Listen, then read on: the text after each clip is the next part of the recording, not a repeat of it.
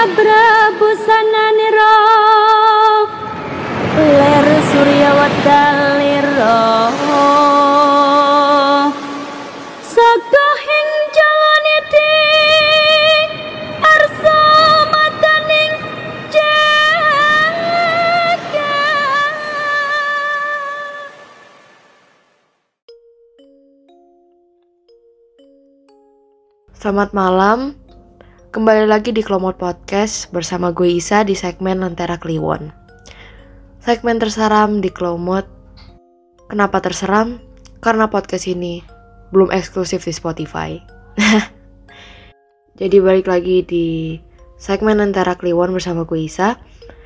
So, akhir-akhir ini gue ngedapetin banyak banget cerita-cerita horor dari teman-teman yang gue baca sendiri tuh gue merinding jujur karena gue nggak tahu kalau kayak gini tuh kejadian nyata gitu bukan hanya di FTV atau azab jadi kali ini gue bakal bacain cerita judulnya gudang logistik kejadian ini dialami oleh seseorang berinisial H baru umur 22 tahun.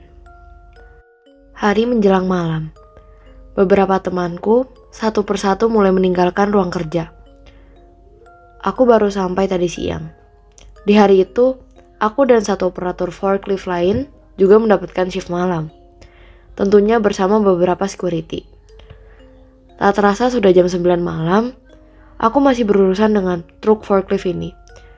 Tadi pagi lumayan banyak truk yang mendrop barang-barang logistik. Kata temanku, dan memang benar. Kantorku ini adalah salah satu warehouse untuk sebuah merek kendaraan dari Jepang.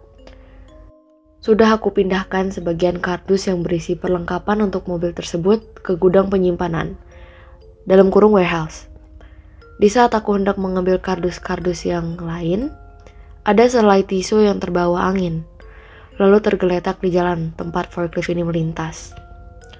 Pun aku mengabaikannya. Sepersekian detik kemudian, aku melanjutkan pekerjaanku lagi. Tak lama, aku melihat selai tisu lainnya melayang di udara. Tapi tunggu dulu. Kenapa tisunya semakin lebar, besar, dan mendekati atap forklift ini?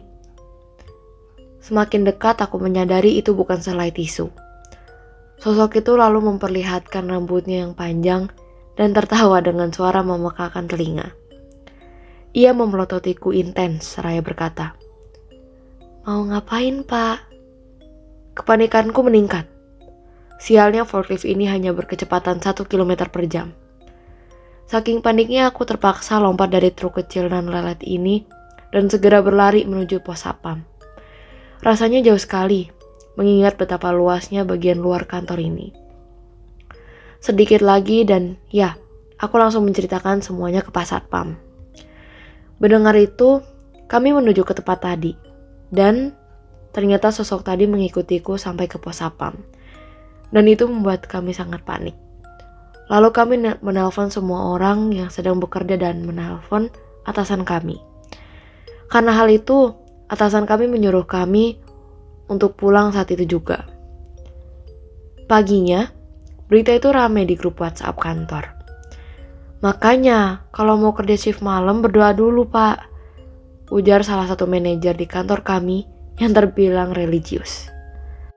Wah, jujur gue ngedenger sama ngebaca ceritanya tuh gue takut asli pas malam-malam.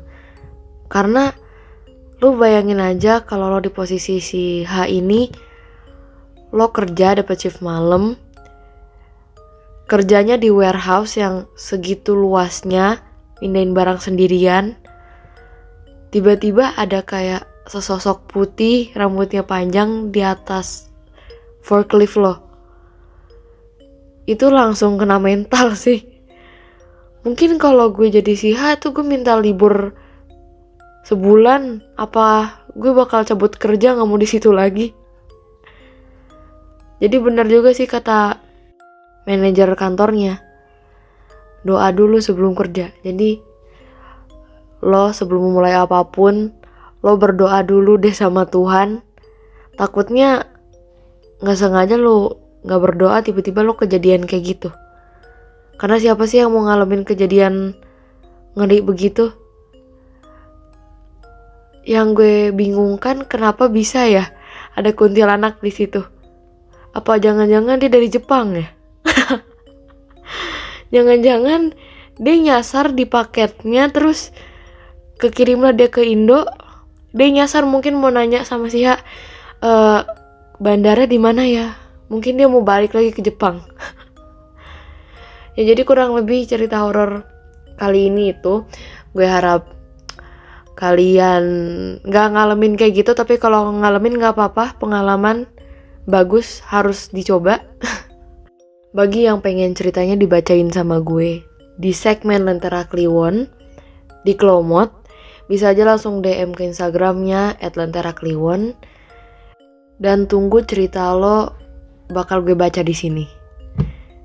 Dan bagi yang penasaran sama gue, gue itu podcaster di Isa Talk Podcast dan gue podcaster juga di Klomot.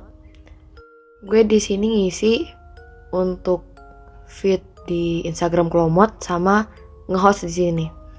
Bagi yang penasaran sama gue bisa aja lihat di personal gue di sakalif.m dan bagi yang penasaran sama podcast gue silahkan main ke Spotify-nya atau ke Google Podcast Pokoknya banyak kalau penasaran mau lihat aja di anchornya. ya, jadi gue Isa pamit undur diri. And see ya.